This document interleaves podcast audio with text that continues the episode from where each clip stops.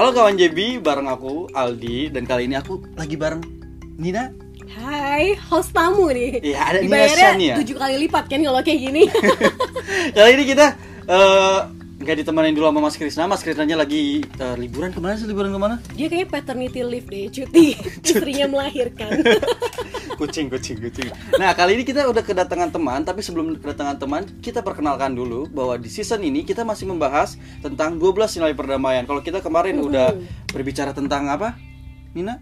Ada geng, Geng. ya. terus Ada ada, gender. tentang gender, terus ada agama. Iya, menghormati perbedaan suku bahkan agama. Kali ini kita sudah mengundang siapa sih? Kita ngundang siapa nih? Sosok yang sangat luar biasa. Kita bakal ngobrolin tentang sebenarnya ini adalah eh, kunci utamanya dari 12 nilai dasar perdamaian, Iya. yaitu penerimaan diri. Waduh. Sekarang aku udah sama temen kita, temenku juga ini temen aku Iya. beneran ya kayaknya. Temanku. Iya, temanku.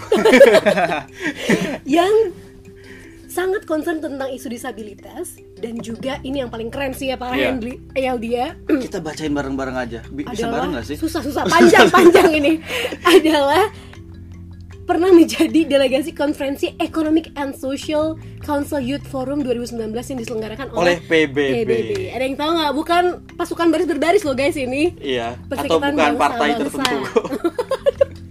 Aldi gimana sih? Kita udah sama Street. Indra Wibawa. Yeay. Halo Indra. Halo. Halo Indra, apa kabar Indra? Baik, baik. sehat. Sehat, alhamdulillah. Sudah minum kopi hari ini? Sudah barusan. Ditraktir Nina ya dan kawan Jebi. Oke. Iya. Gimana di? Aku mau nanya nih. Kamu kan dengan segudang prestasi yang udah tadi disebutin oleh Nina. Apa sih makna berprestasi bagi kamu dan bagaimana cara kamu mendapatkannya gitu, Indra? Eh, ya, eh, pertama terima kasih eh, dari komunitas Jebi udah mengundang aku di sini. Sama-sama. memberikan kesempatan aku untuk bersuara, Waduh. menyampaikan eh, unek-unekku. gitu. Unek, unek. Kita juga terima kasih banyak Indra kamu udah mau datang. Iya. Iya.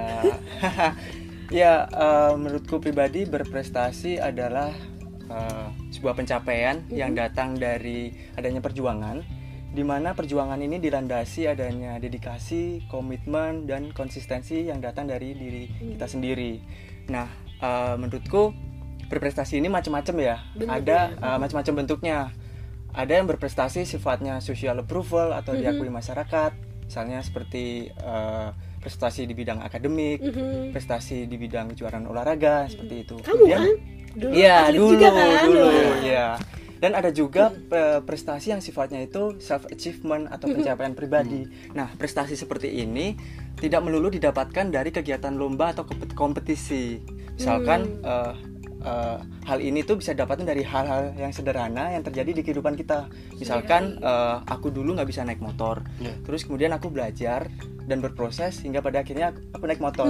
Nah, ini menurutku juga pencapaian diri eh, yang kita dapatkan dari hal sederhana seperti itu. Nah, eh, bagiku berprestasi ini juga eh, bermanfaat buat, Buat orang diriku. Ya, buat orang diriku, buat orang lain. Mas- eh, dalam hal ini Hmm. bermanfaat aku ketika untuk mengenali diriku, kemudian aku berkembang dan ketika sudah berkembang eh, aku eh, sadar bahwa ternyata diriku ini punya value. Hmm. Oh, ternyata eh, aku mampu ini loh, aku bisa berprestasi ini. ini. Nah, ini juga eh, relate dengan ceritaku dulu ketika aku masih berkecimpung di dunia atlet. olahraga Oh, gitu. iya. Ternyata ketika aku juara, Iya. itu aku nggak hanya dapat piala, tapi lebih dari itu aku dapat dukungan positif berupa apresiasi, tepuk tangan dari eh, teman-temanku, dari lingkunganku, support ya.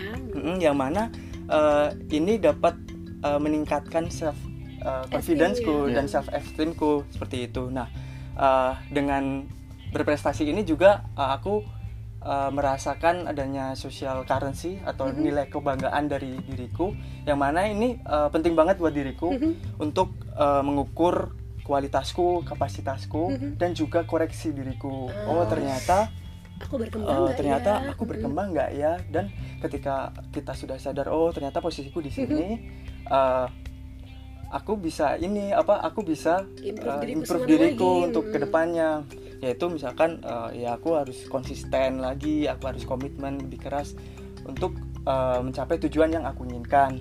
Nah di sini eh, aku memaknai simpelnya aku memaknai eh, berprestasi adalah caraku mengapresiasi terhadap kemampuanku yang aku miliki. Seperti Oh, yes, berprestasi adalah caraku mengapresiasi atas kemampuan atas kemampuannya gila gila gila gila. udah ya ini quotes Quotes. Indra Teguh Indra Teguh ini sudah bisa digunakan di caption Instagram kalian. Iya boleh boleh jangan lupa di ini kan ya sertakan sumbernya Iya. Oke, tadi kan kamu banyak banget Ra. dulu waktu kuliah jadi atlet. Sekarang jadi delegasi kemarin di PBB, Iya. sedang PBB kayak wow keren banget gitu kayak kok bisa Ndra ceritanya gimana itu cerita iya cerita awalnya Eh, ya ah, jadi awalnya gini eh, aku kan aktif di organisasi sosial yang bergerak di bidang pemberdayaan disabilitas Mhm. namanya Design for Dream Design for Dream Design. ini juga kamu inisiasi ya kalau nggak salah Eh, sebenarnya bukan sih ini Bukan. dari temanku di Jogja Di dan Jogja. dan kenapa aku memilih untuk bergabung Mhm. pertama karena eh, ini berangkat dari diriku sendiri aku ini seorang penyandang disabilitas atau difabel Hmm. eh, bagian tangan Mhm. Iya, eh, nah eh, ya eh, difabelku ini ini cerita sedikit nggak apa ya ya? boleh Iya, boleh apa-apa, banget Mm, Difabelku ini disebabkan dari adanya eh, aku tidak mengatakan malpraktek tapi adanya kesulitan ketika proses kelahiran. Oh. Jadi dulu eh, berat badanku waktu bayi itu 5 kilo. Ih, gede banget Ra Wow. Iya gede banget ya. Kamu Samson ya? Dan itu memang jarang terjadi gitu kan. Iya. Nah, terus ketika proses keluar Iya. itu eh, di dipaksa ditarik oleh dokternya karena memang karena memang itu sebuah pilihan terakhir karena ketika tidak segera ditarik akan membahayakan ibuku Hmm, atau kalau enggak malah kedua bayinya gitu kan. Oh, terus kedua bayi. eh, kedua Bayinya. maksudnya ibu Oh. dan saya gitu. keduanya Kira aku ada kembaran. Iya. Nah, eh, dari efek tarikan yang di luar SOP itu kemudian membuat tanganku cedera dan hingga sa- sampai saat ini gitu. Nah, eh, balik lagi eh, aku merasa ada kegelisahan di Diri diriku. sendiri. Hmm, Ternyata yang ternyata banyak teman-teman disabilitas lain juga yang membutuhkan eh, Dukungan. dukungan ya Iya. dan aku sa- sa- sadar dan memilih untuk ikut berjuang di situ makanya aku gabung di Send for Dream Iya, wow. Nah, kemarin itu aku berkesempatan mewakili Design for Dream untuk mengikuti seleksi beasiswa yang diadakan Kemenpora. oh. Yang mana eh, beasiswa ini eh, mencari pemuda-pemudi di Indonesia yang bergerak di isu Sustainable Development Goals Hmm, atau tujuan SDGs. pembangunan Ya, berkelanjutan. SDG ya. Iya, bisa Kelanjutan. Ya biasa disebut SDGs Hmm. itu. Nah, kenapa? Karena dari pemuda-pemudi yang diseleksi ini kemudian dipersiapkan untuk menjadi delegasi Indonesia di acara Economic Social Council Youth Forum Hmm. gitu. Nah, awalnya aku juga nggak nyangka Iya. eh, bisa Iya. itu. Aku hanya ya aku hanya menjalani proses dan kemudian diterima. akhirnya diterima gitu. Iya. banget ya wow Wah, prestasinya banyak banget kan. Nah, aku mau nanya nih, kira-kira dengan prestasi kamu yang bagi aku udah banyak banget buat kita yang seumuran itu udah achievement yang sangat luar biasa luar biasa aku sekali pernah gitu. kepikiran kapan aku bisa jadi Iya. ini ikutan ikutan sidang UN gitu kan kita Iya. sidang skripsi sidang aja skripsi aja ditunda ya Nah, nah dengan prestasimu yang sekarang, kamu pernah nggak sih ngalamin ke, eh, krisis kepercayaan karena ya eh, kamu kan tadi eh, mengatakan bahwa kamu adalah seorang difabel gitu. Pernah tidak sih eh, mengalami krisis kepercayaan karena hal yang telah kamu miliki itu? Iya pasti eh, masih ya, Iya, masih. masih. ngalami krisis kepercayaan diri. Iya. Biasanya aku nggak pede ini karena ada rasa insecure dalam diriku. Oke. Kenapa? Karena eh, iya aku difabel Hmm. dan kadang aku tuh merasa eh, tidak layak atau ada perasaan Hmm. underestimate dalam diriku. Oh aku dapat prestasi ini, kayaknya nggak layak deh kayak gitu. Nah eh, karena karena per- perasaan itu muncul tuh dari asumsi yang sebenarnya asumsi negatif yang dari diriku yang sebenarnya eh, itu tuh hanya asumsi aja gitu. kemudian eh, aku juga kadang merasakan ada tekanan sosial di mana eh, ketika aku memiliki prestasi ini kadang orang-orang seperti memberikan respon yang berlebihan kayak oh ayo kita berpres- tadi. iya, kayak berprestasi apa lagi ya Indra? Gitu. nah itu asumsi ya ada ekspektasi-ekspektasi lebih dari uh, orang lain terhadapku yang mana Sebenarnya membebani asumsi ya yang ya? akhirnya memba- ya membebani diriku karena asumsi itu membunuh kan seperti itu nah Kuat kedua lagi bisa digunakan di caption Instagram. Iya, nah tapi uh, dari berbagai hal negatif itu, Hmm. kadang aku aku uh, questioning dengan diriku bertanya-tanya kayak eh, emang aku nggak layak ya Iya. seperti itu dan akhirnya eh, aku mencoba merefleksikan yang apa yang udah aku lakukan Mhm. aku udah berusaha aku udah mengupayakan dengan segala kemampuanku dan kalau memang eh, ya universe semesta memang Hmm. mengendaki seperti itu berarti memang eh, aku ya ya memang ini yang yang Terbaik. yang terbaik Mm-mm. seperti itu Jadi memberikan kayak narasi-narasi positif sendiri untuk Iya. kayak tadinya berarti menolak asumsi-asumsi kamu sendiri sebenarnya Iya, gitu ya iya. untuk bisa berdamai dengan diri berdamai kamu. dengan diriku Oke, gimana lagi di? Hmm, aku mau nanya nih. Nah, kalau tadi kan eh, ekspektasi orang yang berlebihan terkadang Mm-mm. membebanimu gitu akan prestasi yang kamu miliki. Kira-kira kalau dengan difabel yang kamu miliki, different ability yang kamu miliki, kira-kira maaf nih, Mm-mm. pernah ada nggak melakukan perundungan atau bullying pada kamu? Eh, selama ini eh, belum ya tetapi ngomongin Oh, ngomongin baik banget ya ngomongin dia ya.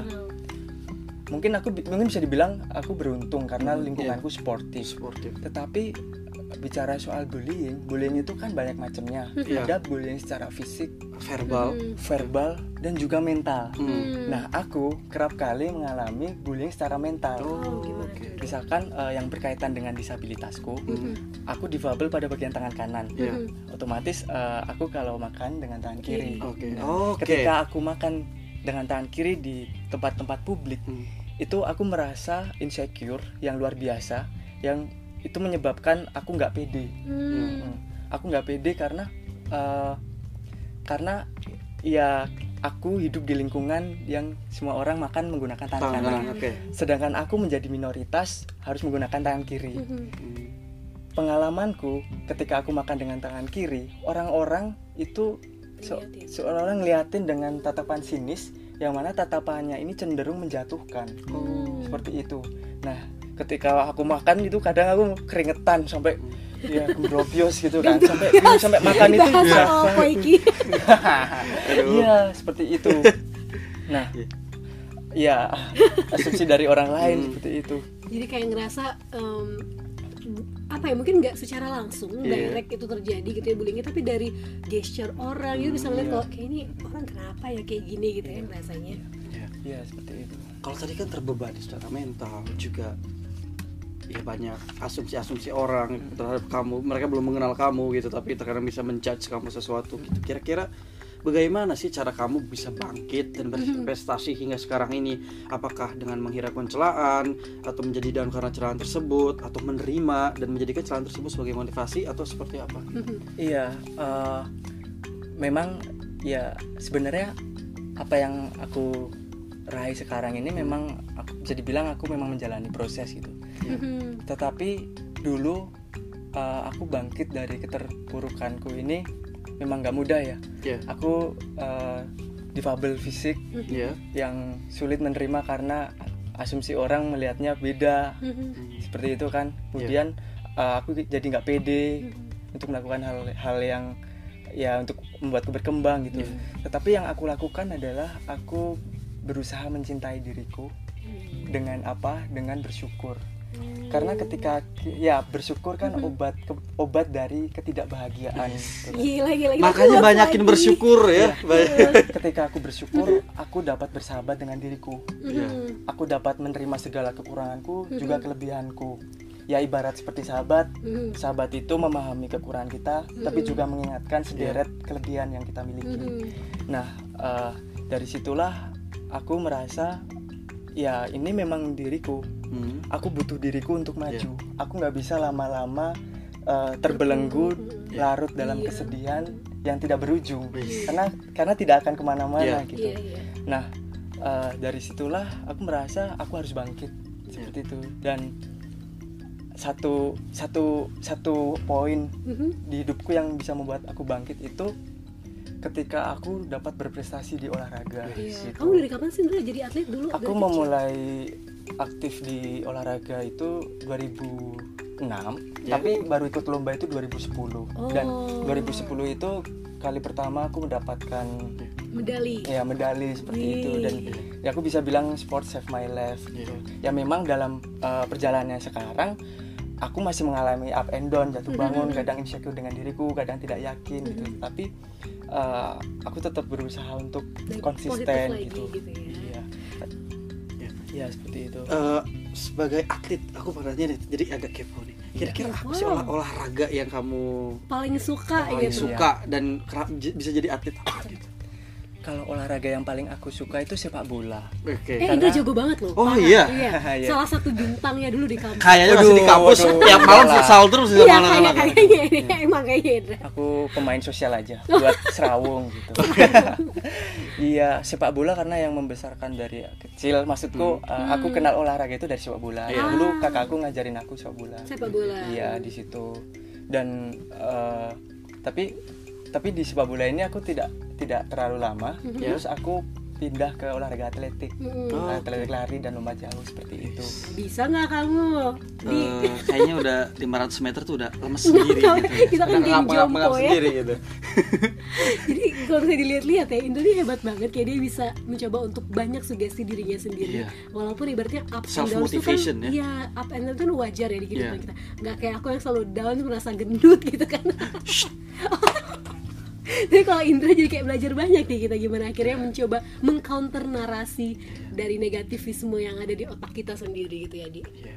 Kalau tadi kan kita dengar kalau misalnya Indra tuh mendapatkan motivasi hingga berprestasi dari sekarang tuh self motivation dari diri dia dari sendiri. diri kan. sendiri. Kalau dari orang lain ada nggak sih yang kira-kira mendukung Indra bisa sampai seperti saat ini? Iya.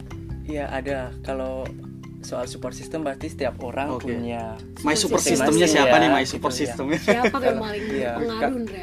Kalau dari aku pertama keluarga Oke. itu dari uh, ya bapak ibuku, kakak-kakakku dan Bapak uh, Ibu, ini Indra masuk podcast. Oh.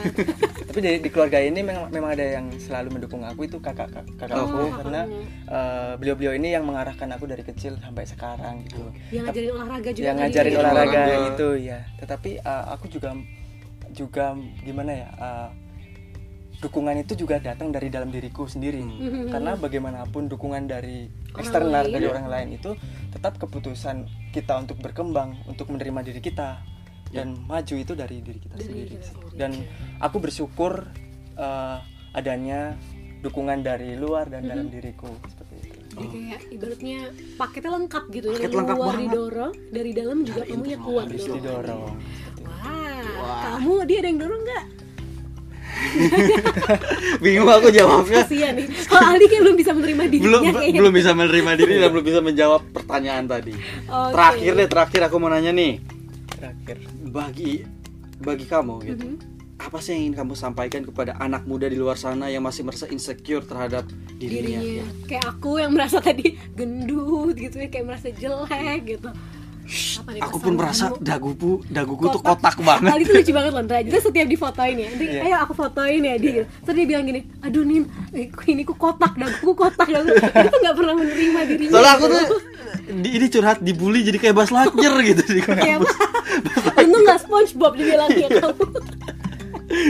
Boleh Ndra gimana pesan kamu untuk orang-orang kayak kita gini Yang masih nih, merasa insecure. Heeh. pesan ya waduh kalau pesan kayaknya aku udah ya gimana gimana gitu ya. tapi uh, buat teman-teman yang masih mengalami insecure itu wajar kok karena Wajar. sampai sekarang pun aku masih mengalami hal itu Hmm. gitu kan tetapi uh, ini tergantung ini soal pilihan dan mindset kita kita ingin bergerak uh, maju atau enggak Atau gitu enggak. karena ketika kita terlalu lama Diam. diam dan larut dalam dalam insecure itu kita tidak akan ke mana-mana yang seperti aku bilang tadi kan? Mhm. ya kuncinya adalah menerima diri Mhm.